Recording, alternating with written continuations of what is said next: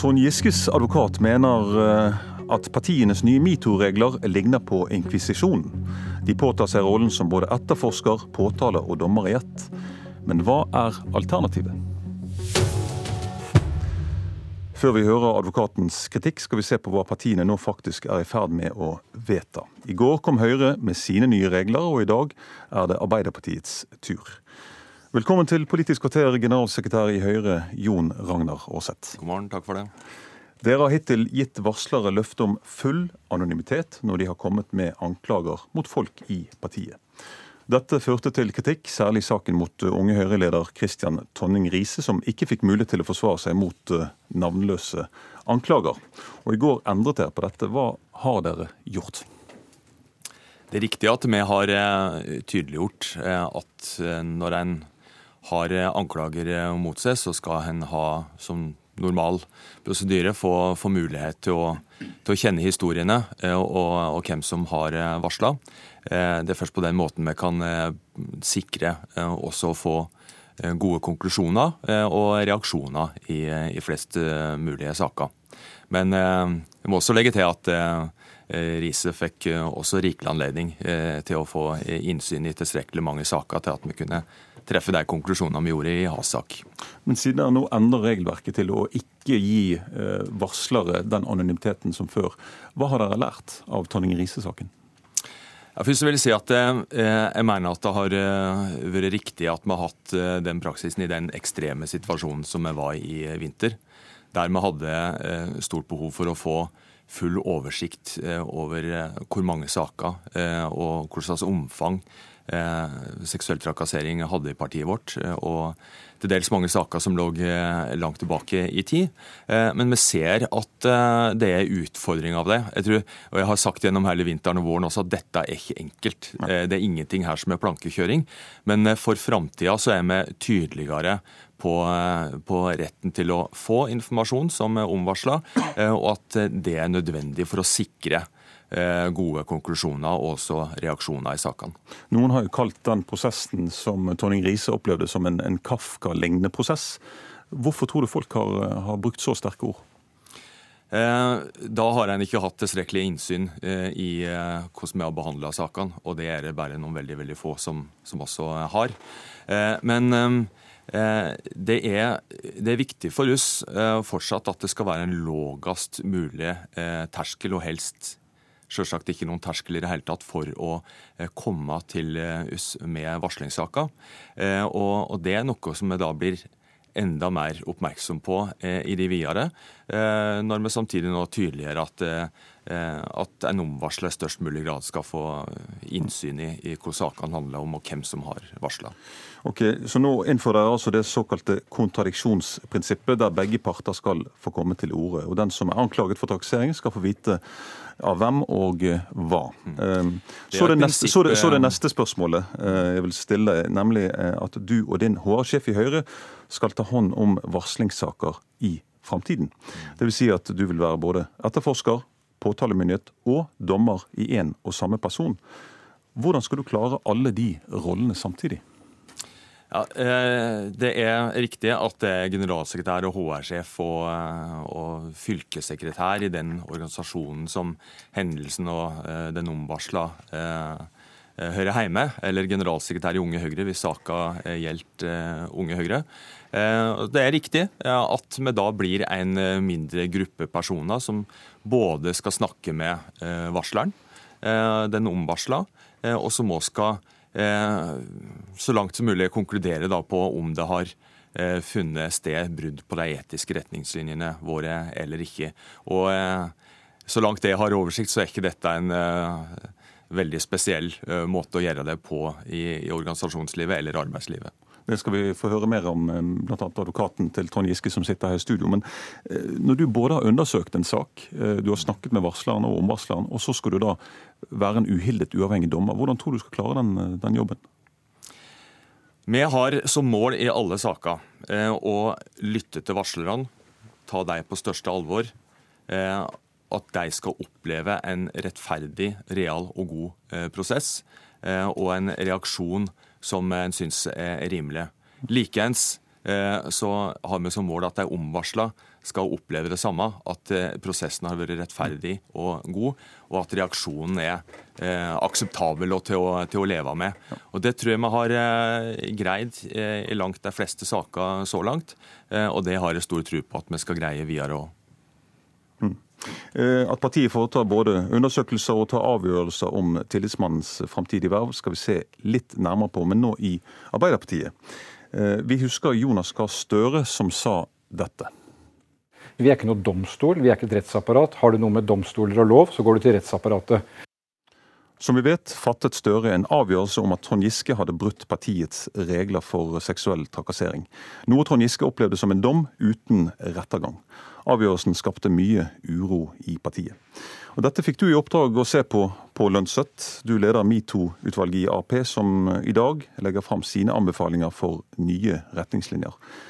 Hvordan skal Ap unngå en Giske-prosess i framtiden? Nå skal ikke jeg kommentere den prosessen, for vi har ikke spesifikt tatt stilling til om det var noe feil eller mangler ved den prosessen. Eh, men vi har høstet erfaringer fra flere, flere prosesser, hvor, hvor, mange har vært eh, andre saker også, som har eh, hatt disse sakene til behandling. Ulike personer involvert på ulike sider av en sakskompleks og snakket med de og hørt hvor de føler skoen trykker hen. Og så har vi kommet med forslag som skal behandles i Arbeiderpartiets sentralstyre i dag. Hvordan man skal håndtere disse sakene. Og jeg tror ikke vi skiller oss vesentlig fra det Høyre har lagt fram. Men det er viktig for oss å ha eh, at det er forutberegnelighet i hvordan man skal behandle sakene. At det er en eh, tydelighet på hvem som har ansvaret for behandling av sakene. Eh, at det er en prosess som er eh, opptatt av å høre versjoner til de eh, aktørene som er involvert. Mm. Hvem er det som skal avgjøre eller dømme, da, for å bruke et folkelig uttrykk, i disse sakene i Arbeiderpartiet? Altså, I de sakene som kommer på spissen, og hvor det ikke er mulig å finne en, en, minnelig løsning, som jo heldigvis er tilfellet i de fleste tilfellene, så er det jo partiet og den ledelsen som sitter nærmest hendelsene, som skal håndtere saken. Og i noen tilfeller er det også partikontoret og partisekretær. Mm. Eller den partisekretæren delegerer til. Det er de som skal behandle sakene. Eh, kommer man dit at det er nødvendig med ileggelse av eller treffe tiltak i form av sanksjoner eller annet, så det, vil innstillingen være at det er sentralstyret som treffer selve den, den beslutningen. Ok, Kristoffer Hansten, du har forsvart Trond Giske sammen med Frode Sulland. Hvordan ser du på de grepene som Pål Lønseth og hans utvalg eh, nå legger fram for Arbeiderpartiet? Ja, da har jeg først lyst til å presisere at Jeg kjenner jo ikke innholdet i innstillingene verken fra Høyre eller Arbeiderpartiet. Arbeiderpartiet behandler jo sitt i dag, så vidt jeg skjønner. Men det du hører her nå? Nei, jeg, hører, altså jeg har lyst til å heve dette litt opp på et, først på et prinsipielt eh, plan. Fordi jeg mener spørsmålet er hvor langt eh, skal og bør partiene gå i å behandle enkeltsaker. Eh, og dette er, jo ikke et politi, dette er jo ikke et spørsmål om politisk tillit, men det er et juridisk spørsmål om eh, seksuell trakassering. Altså svært alvorlige anklager om seksuell trakassering, og hvor konklusjonen kan få eh, store konsekvenser både sosialt og rettslig for den som er anklaget. Eh, og du kan si eh, Seksuell trakassering det er eh, kjernen i definisjonen er uønsket seksuell oppmerksomhet. Det som er karakteriserer eh, påstanden om seksuell trakassering, er at det reiser veldig vanskelige bevismessige spørsmål om mellommenneskelige forhold.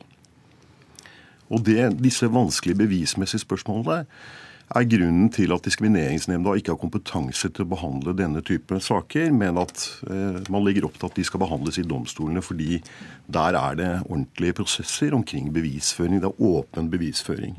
Så, så du mener at partiene går for langt her? At de ja, påtar seg domstolslignende prosesser ja, som de for... egentlig ikke har kompetanse? Er det du sier? Det jeg sier er at Hvis man ser på det som er det er i hvert fall argumenter mot, ganske sterke argumenter mot at partiene går, eh, legger opp til en fullstendig behandling av denne type saker. Jeg tror det er riktig å ta utgangspunkt i det som er den lovfestede plikt eh, i diskriminerings- og likestillingslovens paragraf 13 til partier og, eller organisasjoner og læreinstitusjoner. Der står det at man har en plikt til å forebygge og forhindre seksuell trakassering. Forebygge det er en systemplikt. Forhindre er en plikt til å gå inn og stanse pågående seksuell trakassering.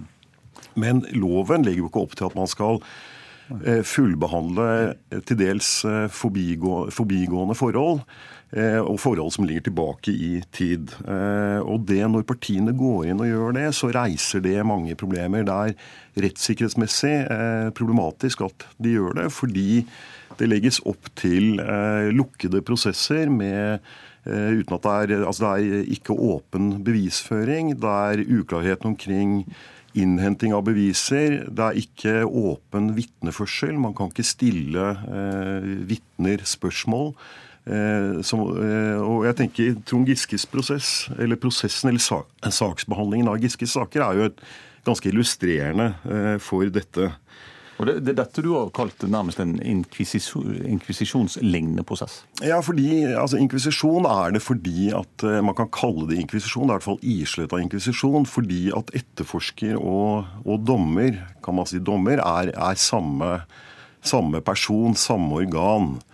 Og uh, sånn som jeg forstår det, så legger både Høyre og uh, Arbeiderpartiet opp til at sånn skal det være også i fremtiden. Dvs. Si at det er partiet som, som uh, undersøker sakene, og det er partiet som treffer konklusjonen. Og Da er det ikke en tilstrekkelig uavhengighet mellom de, skal, de, som skal treffe konklusjonen, og de som har etterforsket uh, sakene. Og Lønseth, hva sier du til denne kritikken? Jeg har lyst til å si at uh, et parti har, en, hvilken som helst organisasjon har naturligvis en plikt til å avverge videre trakassering. Men i et parti så er det også viktig, og jeg tror også hvilken som helst annen organisasjon, så er det viktig at den som eventuelt har opplevd trakassering, eh, den får et la oss kalle det et arbeidsmiljø videre fremover som gjør det mulig for den vedkommende å operere faktisk i, ivareta sitt verv som den har hatt. Eh, sine arbeidsforpliktelser der det, det, er, eh, det er tilfellet, eh, også videre. Og da må man også eh, sørge for at det miljøet man skal virke i, det har, eh, det har hensyntatt de hendelser som har funnet sted. Og da tror jeg et parti som en annen organisasjon i arbeidslivet for øvrig eh, er i noen tilfeller nødt til å ta stilling til, eh, når saker kommer på spissen, hva har skjedd der? Hvilken historie legger vi til grunn? Hva skal dette lede til av tiltak? Jeg tror ikke vi har noe annet valg. Og så er jeg enig med Hansen at det er dilemmaer her. Men jeg tror verken et parti eller en annen organisasjon i arbeidslivet har noe særlig annet valg. Man kan ikke forvente at en varsler som har vært utsatt for trakassering, skal selv måtte gå til domstolene og reise en sak på at man har blitt utsatt, og, og få en domstol til å ta stilling til hva skal det medføre. Det er helt urealistisk. Hansten, Hva er alternativet hvis ikke partiene skal gjøre dette? Det Alternativet er, eh, som det har vært diskutert, om man f.eks. skal få et, et mer lavterskeltilbud, slik at Diskrimineringsnemndas kompetanse utvides, og at man da gir eh, mulighet for at Diskrimineringsnemnda kan behandle disse sakene på en betryggende måte. Altså Diskrimineringsnemnda utenfor partiet? Utenfor partiet. Ja. Diskrimineringsnemnda, som mm. er et organ som skal ivareta eh, diskrimineringslovens regler. Har dere tenkt på det, Lønseth? Ja, det er jo i så fall strukturer som ligger fram i tid. Uh, en organisasjon må jo uh, uh, operere i den situasjonen som lovgiver legger opp til. Og lovgiver legger opp til at en organisasjon er forplikta til å stanse en eventuell pågående trakassering. Eh, og man er nødt til å ivareta det jeg vil si, la oss bruke et uttrykk fra, fra arbeidsmiljøloven, et psykososialt miljø. Men, men eh. lovgiver sier ikke at partiene skal foreta den rettslignende prosessen som Arbeiderpartiet og Høyre nå er i ferd med å, å sette i verk? Det, det, er riktig, men jeg tror vi er nødt til å ta inn over oss at et, et alternativ hvor man i hele arbeidslivet, hele organisasjonslivet, skal gå til en ekstern aktør for å skal vi kalle det, rydde opp i hva som har skjedd, det er helt urealistisk å få til. Men, men jeg, jeg har lyst til å si det som er, jeg synes det er uheldig kort til slutt. Ja, jeg synes det er uheldig hvis partiene nå legger opp til å påta seg omfattende rettslignende prosesser hvor man eh, går til eh, omfattende undersøkelser, eh, avhører titalls vitner, innhenter skriftlig dokumentasjon osv. som i Giske-saken, det bør man være varsom med å gjøre, fordi det er store svakheter ved eh, partienes mulighet for å gjøre en sånn prosess betryggende. Der må vi faktisk sette strek. Takk for at dere kom i studio. Mitt navn er Ole Reinar Tomvik.